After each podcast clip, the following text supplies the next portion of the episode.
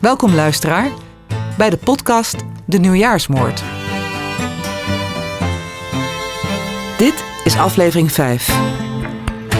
Stap voor stap. Is dat voldoende om iemand als verdachte aan te merken, Peter? Ik denk in deze situatie, ja goed, het is echt iets dat zou het Openbaar Ministerie eh, moeten voorleggen. Maar dit is heel, eh, dit is iets heel aparts. In deze podcastserie wordt verslag gedaan van het onderzoek naar de onopgehelderde dood van Marja Nijholt uit Enschede. Zij komt op nieuwjaarsochtend 2013 in Os om het leven.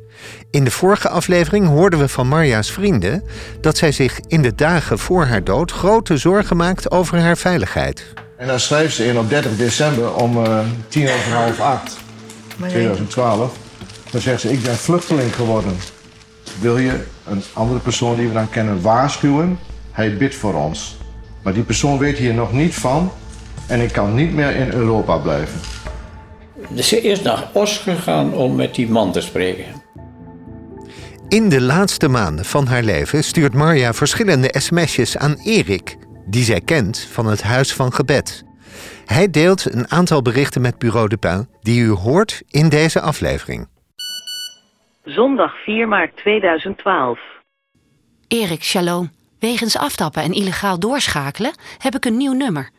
Willen jullie bidden voor het ontmaskeren van de boosaardige bewindvoerders die een verbond hebben tot het onthouden van mijn inkomen? Ik heb twee maanden niets ontvangen.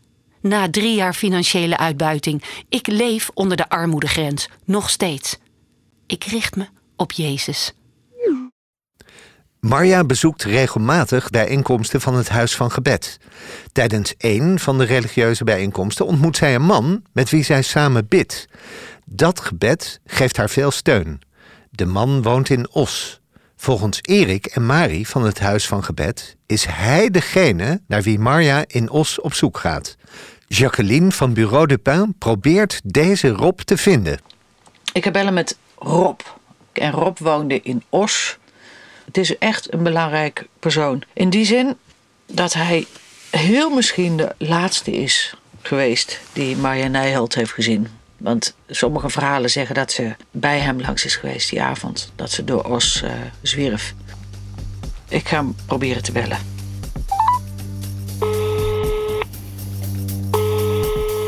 Goedendag met Rob. Neem na de toon uw bericht op. Ik ben Jacqueline van Bureau Dupin. En we weten dat u heel veel hebt betekend voor Maria. En daar wilde ik eigenlijk met u over praten. Zou u mij kunnen bellen? We hebben een adres van hem en het dorp waar hij woont. Ik ga even een van de buren bellen vragen of uh, hij zij hem misschien kennen. Ja? Uh, ja, u spreekt met Jacqueline. Ik heb een beetje een vreemde vraag voor u. Want we, we, proberen iemand te bereiken die de vrouw die vermoord is ook uh, gekend heeft. En dat is een van uw buren. Nee, dat zegt me helemaal niks. Zegt u niks? Nee, het zegt me helemaal niks. Nee.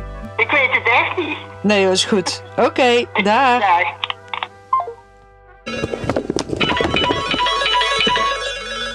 Met Jacqueline.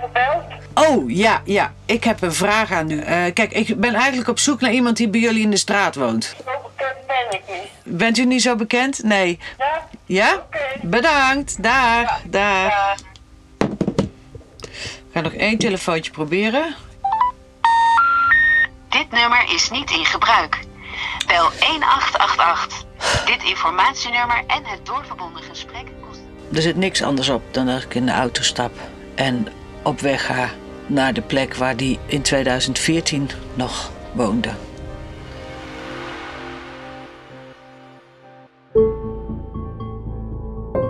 In de vorige aflevering hoorden we dat Bureau Dupin een interessante tip kreeg van een luisteraar van de podcast die iets bijzonders was opgevallen. Deze luisteraar had een boek gelezen waarin opvallende gelijkenissen met de zaak van Marja Nijholt voorkomen. Het boek stamt uit 2011, twee jaar voor de dood van Marja. Toen jullie met de uitzending kwamen, dacht ik dat het het verhaal, dat is bijna hetzelfde. Hij deed uh, piano, ze denkt dat het vermoord wordt. Er wordt gevlucht naar Gronau, uh, in een hotel. Religieuze boeken, waanbeelden, schizofrenie. Als je dat boek leest, denk je, hé, hey, hoe kan dat nou? Voor iemand die op de vlucht is, is het hotel in Gronau volgens de tipgever overigens geen logische plek om naartoe te vluchten. Als je van Enschede en Nederland, zeg maar, die willen goedkoop tanken, dan ga je naar Gronau. Die eerste tankstation die je daar hebt, zeg maar, als je de grens binnen uh, en dan een kilometer of twee, kom je een tankstation. En deze is eigenlijk goedkoop. Daarnaast die tankstation is meteen die hotel. Dus dat is voor Nederlanders die in Enschede wonen, dat is echt een bekende. Stel nou, je bent aan het vluchten of je wilt ergens weg en goedkoop weg. Dan is niet hotel wat je als eerste pakt als je vanuit Enschede uh, of Nederland wil vluchten. Dan ga je niet daarheen, dan ga je naar een ander hotel. Ik heb het uitgezocht een beetje en als je op Google Hotel Gronau intoetst, dan komt, krijg je meteen 6000 hits voor Gronau. Heel veel van deze hotels zijn zelfs goedkoper. Dus als je als Maria wil vluchten en ze wil een goedkoop hotel, dan is het dat is onlogisch. Het boek dat de tipgever gelezen heeft heet Het Talent van Twente en is geschreven door de Twentse misdaadauteur Klaus Brokhaus. Jet van Bureau de Pen leest het boek en spreekt de schrijver. Het verhaal van het boek en het verhaal van Marja Nijholt zijn echt verschillende verhalen. Maar er zitten toch een heel aantal gelijkenissen in. Ja. Ja, en dat is wel markant. Zo kom ik bij jou terecht om, uh, om het daar met jou over te hebben. Ja, moet ik het dan gelijk toegeven dat ik ook daar iets mee te maken heb gehad met die moord? Dat wil ik best hoor. Want... Is het zo? Heb jij er iets mee te maken? Nou nee, helemaal niet. Maar, maar, maar het, is, het is wel opvallend, want, want uh, ik, ik, ik, las nog even een stuk in de Tubantia over die vriend van haar, waar jullie op bezoek zijn geweest, die aan de overkant bij mij woonde, waar ik toen woonde. En ja, dat is, dat is letterlijk uh, aan de overkant bij mij. Dus ja, we hebben gewoon uh, tegenover elkaar gewoond, zeg maar. Maar kende jij haar, Marja Nijholt? Nee, dat, dat lijkt me niet. Ik heb de foto's nog eens gekeken. Maar ja, ze zou me natuurlijk heel goed uh, tegengekomen hebben kunnen zijn. Nou, ik ging het natuurlijk gelijk allemaal opzoeken en zo. En, en bekijken van, hé, hey, god, hoe zat het ook weer? Maar ja. toen was ik wel even flabbergasted dat dat allemaal zo dicht bij elkaar zat. Dus daar, dat dat ja, dat een inspiratie zou kunnen zijn voor iemand die dan ook inderdaad uh, op, op zo'n nare wijze daarmee te maken krijgt. Dat is wel heel raar natuurlijk. Dus uh, ja. Wat vindt Klaus ervan dat Marja naar hetzelfde hotel vluchtte als een personage in het boek? Dat, dat is zo raar dat zij daar naartoe ging, want ik heb dat natuurlijk puur verzonnen, dat hotel. En ik, ik, was er wel eens langs gereden fietsen. Dat is, het ligt vlak bij Enschede, dus daar fiets je wel eens. En uh, dus, uh, en het, het, het is zo'n zo, zo een beetje een obscuur uh, hotel. Dat, het hele Grono is sowieso obscuur. En ja, ik ben er zelf nooit geweest trouwens, want je kunt het gewoon ook op internet te zien. En ja, dat, uh, dat vond ik het meest onmerkelijk, dat ze daar naartoe is gegaan. Hè? En, en, en dat daar iemand haar ook weer gebeld heeft. Ja, dus moet ze het aan iemand verteld hebben dat zij daar geweest is. Gewoon nou, dat, dat daar weer niet gevonden worden. Hè? Maar dat maakt het juist zo, zo, zo interessant.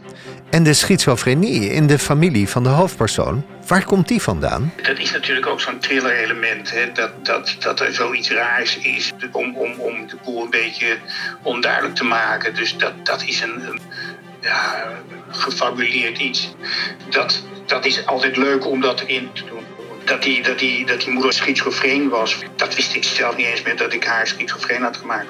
Dat, dat, moest ik uh, echt weer teruglezen om te weten dat dat er ook mee te maken had. Maar dat was dus kennelijk ook zo dat dat in die familie ook zo was, ja. Ja, meestal is het andersom, hè? Dat, dat je vanuit de, de realiteit fictie maakt en zo. Maar als de, de, de fictie realiteit wordt, ja, dan wordt het helemaal spannend natuurlijk. Ja. Ga je denken van, hé, hey, er is iets meer aan de hand. Het gebeurt natuurlijk wel vaker dat er copycat-achtige dingen gebeuren. Maar ja, dan is het echt dat iemand een, een moord kopieert of zo op, de, op een bepaalde manier. Ja. Maar dit is natuurlijk nog weer interessant, omdat het helemaal bijna een psychologisch element heeft. Zou het kunnen zijn dat Marja Nijholt dat boek ook gelezen heeft? Was het veel in omloop in de stad? Dat zou heel goed kunnen hoor. Dat zou heel goed kunnen, want dat boek dat heeft in 2011 heeft het een vrij hoge oplage gehad, omdat dat door alle door de universiteit werd verspreid en door uh, de AKI en uh, Saxion en, en al dat soort dingen. Die deden allemaal mee, die bestelden allemaal heel veel boeken daarvan, omdat ik dat heel interessant om daarin genoemd te worden. Hè, ook. Dat boek is ja, gratis verspreid eigenlijk door instituten daar ook. Ja. Hè? Dus ja. er werd heel veel weggegeven en Ehm, toen ik het eh, zo, zo, zo las, die, die, die overeenkomst, ja, toen dacht ik ook van daar moet op de een of andere manier heeft ze dat gelezen. Ja, dat, dat, dat zou ook natuurlijk best kunnen. Alleen ja, om dat dan ook nog te gaan doen, naar dat hotel te gaan, ja, daar kom je niet op. Moet je toch wel heel erg paranoïde zijn.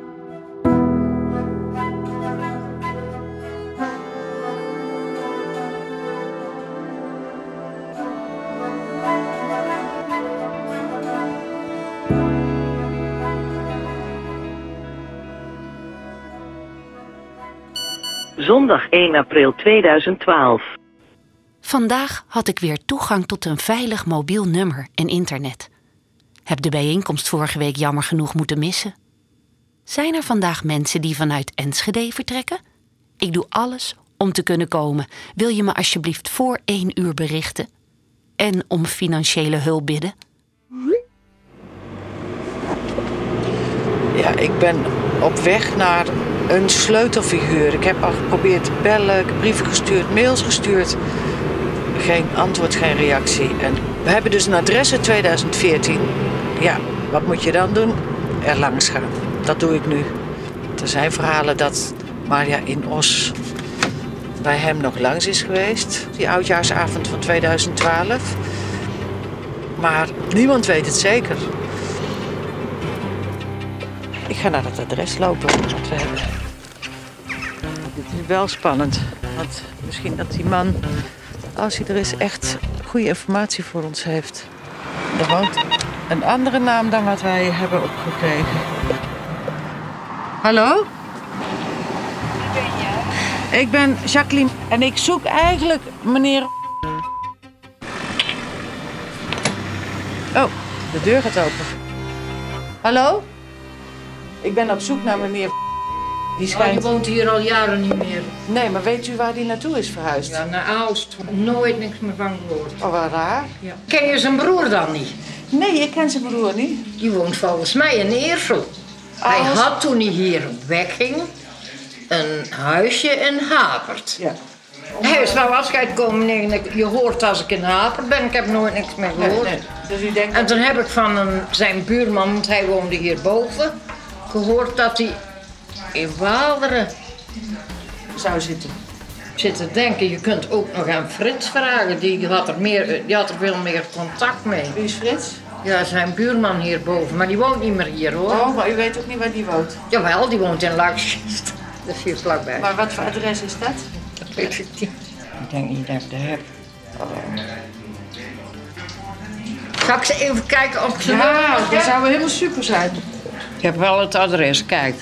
Nou, die kent hem heel goed. En dat is hier niet zo ver vandaan? Nee. Nou, ja, ik ga het gewoon proberen, mevrouw. Mag ik zeggen dat ik van de buurvrouw heb gekregen? Zeg maar van Mien, dan weet je het. Van Mien? Oké, bedankt hoor. Houdoe. Maandag 9 juli 2012. Shalom Erik. Ik zag dat mijn mail niet ontvangen is. Ik kan geen Facebook en dergelijke nemen. Mijn postadres, woonplek en onderduikadres zijn niet meer veilig. Ik moet hoogstwaarschijnlijk het land uitvluchten. Ik ben vanavond opnieuw door slinkse zielen drievoudig beroofd. Bid je voor mij? Marja Nijholt wordt op 1 januari 2013 rond half elf ochtends aangetroffen op een oprit aan de Bergemseweg in Os. In de uren daarvoor wordt haar koffer gevonden op een pad in het parkje daar vlakbij. Bij Bureau Dupin meldde zich iemand die de vinders van de koffer kent. Deze persoon, Leon, spreekt met koffervinders Lia en Wim, die vertellen wat ze die ochtend precies hebben gevonden. Ja, ik heb, Ja, ik heb ik, ik, ik met een hond. Ik ging eh, 's morgens de hond uitlaten. En eh, dat doen wij via de achteruitgang. En dan loop ik dat pad over. En er lag dus midden op het pad lag een open koffer. En een paar dingen lagen eruit. Ik kan me herinneren, een, een, een boek. En eh, bundeltjes sokken dat ik zag.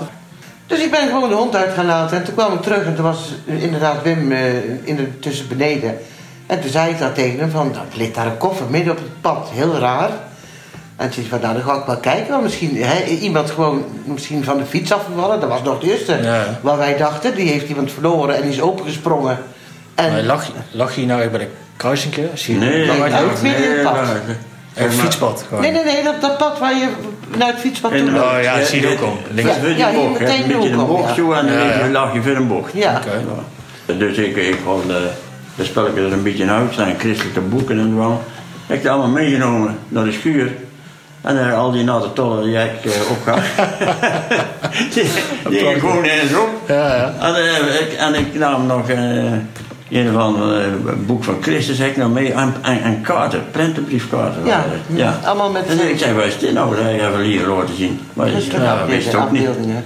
Dus Lia en Wim rapen de gevonden spullen bij elkaar, stoppen die terug in de koffer en nemen de koffer mee naar huis.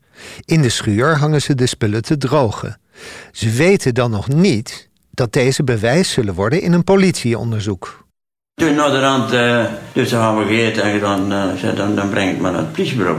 Dus alles weer ingepakt.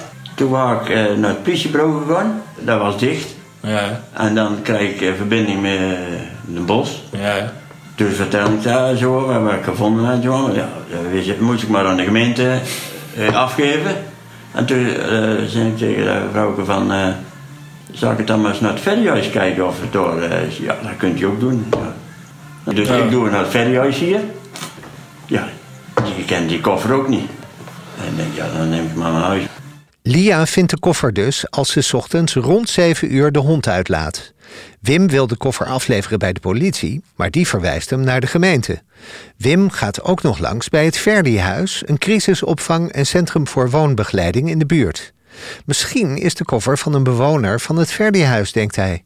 Maar daar kennen ze de koffer ook niet. Hij neemt de koffer weer mee naar huis. Toen zagen we pas al die tumult. eh. Nee, nee, dus ik nog ben Zanny geweest, nee, joh wezen wensen. Ja. Toen ik terugkwam, denk ik, wat zie je dat te doen? Toen stond de tent en alles en, en ja. Op een gegeven moment zei ik van, eh, zou het iets ermee te maken kunnen hebben? Hè? Je weet nooit niet. Nee. Ik zei, ik ga het gewoon vragen. Ja. Dus toen ben ik naar de afzetting gelopen.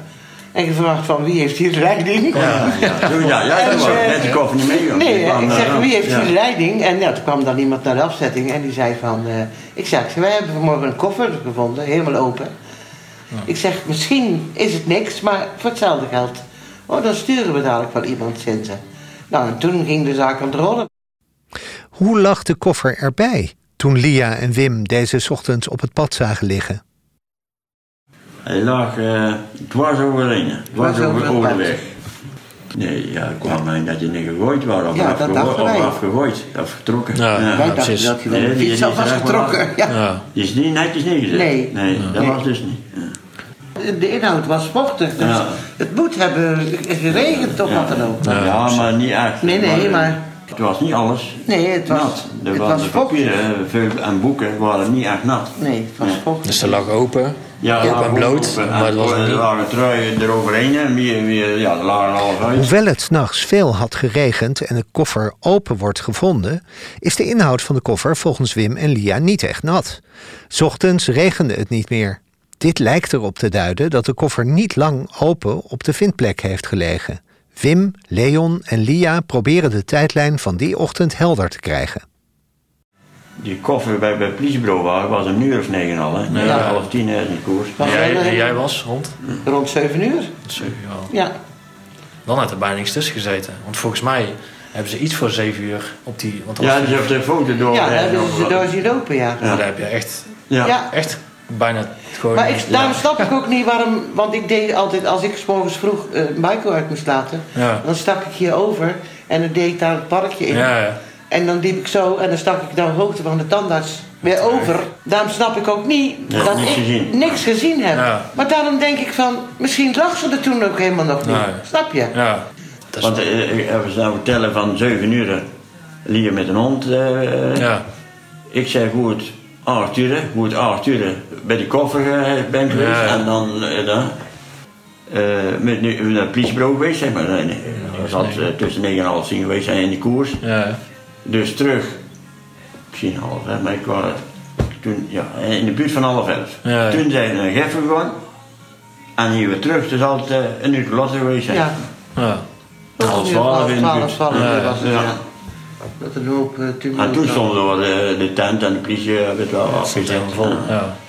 Maar het is en blijft een raadsel. Ja, dat is... Want er eh, zijn ja. dingen die gewoon niet, niet met elkaar rijmen, vind ik. Weet je wel, dat, dat ik denk van... Hoe kan zij nou doorliggen? Daar, daar was... Ja, sowieso. dat- ja.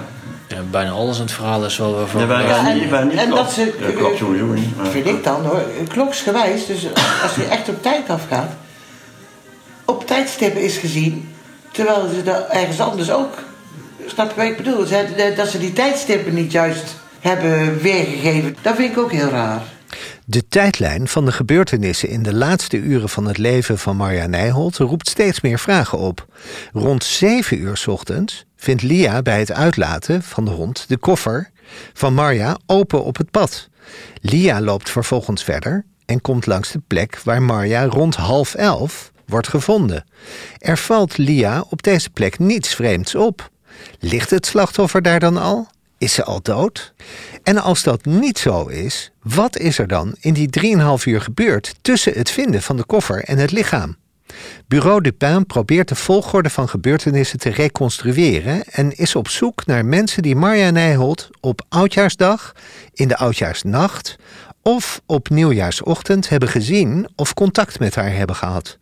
Mocht u daarover iets willen delen, neem dan alstublieft contact op met Bureau Dupin via nieuwjaarsmoord@bureaudupin.org of 06 57 87 1504. Maandag 10 december 2012. Hoi Erik, wil je Rob vragen of hij mij kan bellen? Of heel specifiek voor mijn vader wil bidden? Mijn stiefmoeder heeft geregeld dat hij geen rechter meer heeft, zoals ze bij mij en mijn broer heeft gedaan. Ik weet zeker dat God een ander plan heeft met papa. De samenwerking tussen politie, Openbaar Ministerie en Bureau Dupin begint steeds meer vorm te krijgen. Enige tijd geleden deelde de politie foto's van de plaats delict met Bureau Dupin. Daarna een grote hoeveelheid telecomgegevens. En nu zijn er ook antwoorden gekomen op een aantal vragen van de community. Roel vertelt hierover. De vragen die de community gesteld heeft, richten zich vooral op welke spullen zijn er aangetroffen op het plaatsdelict, getuigenverklaringen over wanneer Maya gezien is en welke verwondingen waren op het lichaam waar te nemen. Vanuit zorgvuldigheid heeft de politie voordat ze de antwoorden aan de community hebben gegeven, toestemming gevraagd aan de nabestaanden. Die zijn akkoord gegaan en de politie heeft vervolgens de antwoorden verstrekt en die worden nu door de community onderzocht. Dat is te volgen via de website van Bureau Dupin. Ook over de telecomdata die Bureau Dupin van de politie heeft gekregen, is iets nieuws te vertellen. Die telecomgegevens zijn door de politie gepseudonymiseerd, zodat ze door burgers niet te herleiden zijn naar personen. Studenten en een hoogleraar van de Euronymous Academy of Data Science zijn samen met een telecomspecialist bezig die data te analyseren en daar is iets opmerkelijks uitgekomen. Nummer 9104. Luister naar René, Roger, Floris en Peter van Bureau Dupin tijdens een van hun online ontmoetingen. Die eh, 9104. Dat komt verder eh, nergens voor, behalve op data tussen 29 en 31 december. Jouw idee was dat dat het hotel in Grono zou zijn. Dat is mijn exegese inderdaad. Als je in de grote dataset kijkt, zie je dit nummer eigenlijk ook alleen maar terugkomen. eh hetzij eh, rond deze data, 27 tot en met 31 december. En je ziet hem ook een paar keer in de grote dataset als gebelde. En die is heel interessant, want er zijn maar drie mensen eh, die naar dat nummer toe bellen. Dus waarbij 9104 de gebelde is. Ja. Daar zie je ook VoIP staan. Eh, VoIP, VoIP staat voor Voice over IP. En dat is typisch een eh, communicatievorm die in het vaste net gebruikt wordt. Bellen over internet. Vandaar dat mijn A-nummer. conclusie is dat dit eh, een, een dump is van een, een vast nummer. En ik vermoed dan eh, het vaste nummer eh, van het hotel in Gronau... dat op dat moment eh, door Marja eh, gebruikt is. Toen zij in het hotel zat. En in de, in de grote dataset kwam eh 9104 als beller en als gebelde voor? Of? Eh, ja, een paar keer. Dus ik zal kijken of ik mijn scherm even kan delen. De eerste keer is eh, nummer 9104 gebeld om 2912, om 8 uur 35. Het gesprek duurde 122 seconden en de beller was nummer 147. Die bevond zich in Amsterdam Zuidoost. Daar is dus een maslocatie van.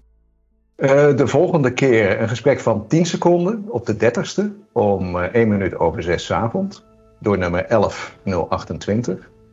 Die bevond zich op dat moment in, uh, in Lossen. En verder is er op de 31ste gebeld om 12 uur 49 door nummer 5735. En dat gesprek duurde drie minuten. Dus deze ID's, 147, 11028 en 5735, hebben dat Duitse nummer gebeld. Uh, even vanuitgaande dat het inderdaad het vaste nummer van het hotel was. Zo. En hoe het ook zij, is die uh, uh, nummer 147 vanuit de Charlotte Brontestraat in Amsterdam Zuidoost een, um, een interessante. Mhm. Maar nou even in de rol van de politie gestapt. Dit zou een interessant nummer zijn, gezien de tijdstip dat gebeld is naar het hotel in Gronau. En wat dan interessant is, is dat er verder geen enkele andere data van ja, bekend is. mhm. Dat is heel apart. Want dat, dat zou dan weer wijzen op dat er iemand is die één keer belt, in, uh, in, in ieder geval in een bepaalde periode, naar het hotel in Gronau. Met een bepaalde reden naar Marja Nijholt vraagt en vervolgens die telefoon nooit meer gebruikt. Ja. mhm. Is dat voldoende om iemand als verdachte aan te merken, Peter? Ik denk in deze situatie, ja goed, het is echt iets dat zou het Openbaar Ministerie eh, moeten voorleggen. Maar ik denk dat in deze situatie dat wel, ehm, dat je wel een dikke plus te pakken hebt. In dat geval zou je ook eh, motivering hebben om daar een tap op te zetten op dat nummer 147. Wat gaat die tap vinden als er geen andere uh, belletjes plaatsgevonden hebben? Dan, dan, vind je, dan vind je niks. Nee.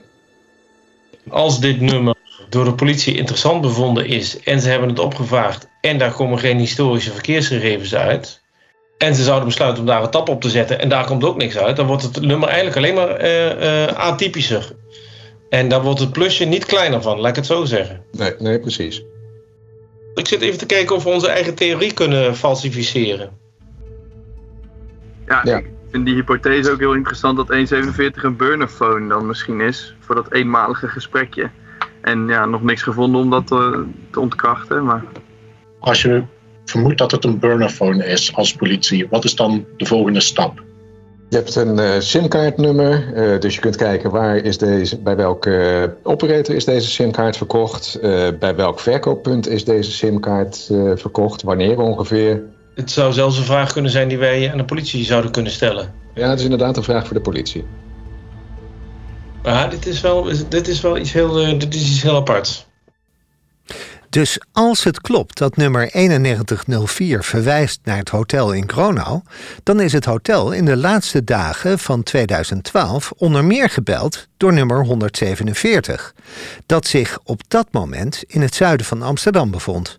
Nummer 147 wordt extra interessant omdat de activiteit van dit nummer op geen enkele andere plek in de dataset voorkomt. Dit is een vreemd gegeven dat twee dingen kan betekenen. Ten eerste dat de politie het nummer destijds, ondanks het opvallende patroon in de dataset, niet verder heeft onderzocht. Als dat zo is, is er nu mogelijk reden voor nieuw politieonderzoek. Een andere mogelijkheid is dat iemand een telefoon heeft gebruikt om naar het hotel in Gronau te bellen en dat nummer in de maanden daarvoor en daarna niet heeft gebruikt. Bureau Dupin legt beide hypothesen voor aan de politie. Daarover meer in een volgende aflevering. Maar eerst terug naar de zoektocht van Jacqueline naar Rob, de man die Marja wellicht als laatste in leven heeft gezien. Een paar dorpen verder. Ik had dus van Mien het adres gekregen van de buurman van Rob, die wij proberen te vinden. Oh, hier is een nummer 7. Kijk hoor, er staat geen nummerbord bij. Lijkt niet dat er iemand thuis is. Geen idee. Nou, goed. Ik laat een briefje achter. Nou, iets anders kan ik ook niet doen. Oh, dat is, die meneer komt net aanrijden. Meneer, bent u Frits? Ja. Nou ja, zeg wat een toeval. Ik was net bij Mien. Bij Mien? Ik ben namelijk op zoek naar uh, en hij, zij zei dat u de, de buurman bent geweest. Ja. En dat hij naar Hapert zou verhuizen. Ja. En nou zijn we eigenlijk op zoek. Aha. Nou, dan kunnen we hem in Hapert niet vinden. Nee. Waarom niet? Omdat hij daar niet woont. Oh nee. Maar u weet het wel waar hij woont? Hij woont in Waal ergens. Oh, oké. Okay. Dus hij was echt best wel goed met een goede buurman. Ja, op zich wel, in de jaren dat hij eh, daar gewoond heeft. Ja. En eh, ja, hij, hij is nogal... eh, nou ja, als je, als je daar met hem in gesprek ging, Ja. dan kon hij nog heel erg ja, een beetje indoctrinerend zijn. Oh? Wilde niet dat je het wel een beetje op, ja, opleggen niet, maar Maar waar wilde die opleggen dan? ja, het, eh, het, het, het, verhaal van onze lieve Heer. hè. En dat was, dat was eigenlijk een beetje zijn mindere kant. Wij- Want anders geen kwaad van je man, hè, want die Nee. is, eh, dat is een doodgoeie man wat dat betreft. eh. Ja, ja.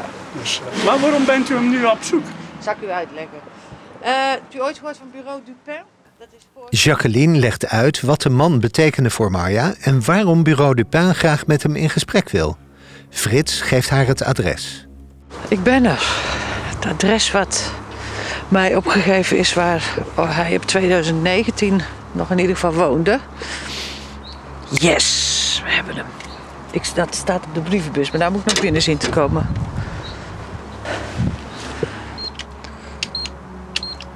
Ik vrees dat hij niet thuis is. Is niet thuis. Nou, dan laat ik een briefje achter zo. Ik kan toch even naar binnen toe gaan en dan ben ik gewoon. Ja, oké. Hier is de tweede verdieping. Nou ja, laten we maar gewoon binnen. Ja, dit is het huis. Ja, ik bel gewoon maar aan. Nou, het ziet er niet naar uit dat hij thuis is. Dat is wel jammer. Goed, we weten nu in ieder geval waar hij woont. Ik laat een briefje achter. Beetje palen.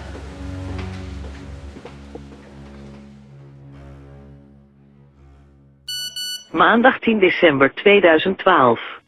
Want haar huis zinkt weg naar de dood. Haar paden voeren naar de schimmen. Niet één van allen die tot haar gaan keert weder. En zij bereiken paden des levens niet. Stap voor stap gaat het onderzoek naar de nieuwjaarsmoord langs verschillende sporen verder. De tijdlijn van Wim en Lia, die de koffer vonden, is opmerkelijk en verdient verdere aandacht. De bevindingen uit de telecomdata bieden nog genoeg stof voor verder onderzoek. En dan zijn daar natuurlijk nog de antwoorden van de politie op de vragen uit de community. Meer daarover in de volgende afleveringen. We zijn bij het einde van deze aflevering, wat nog lang niet het einde is van ons onderzoek. In de volgende aflevering horen we.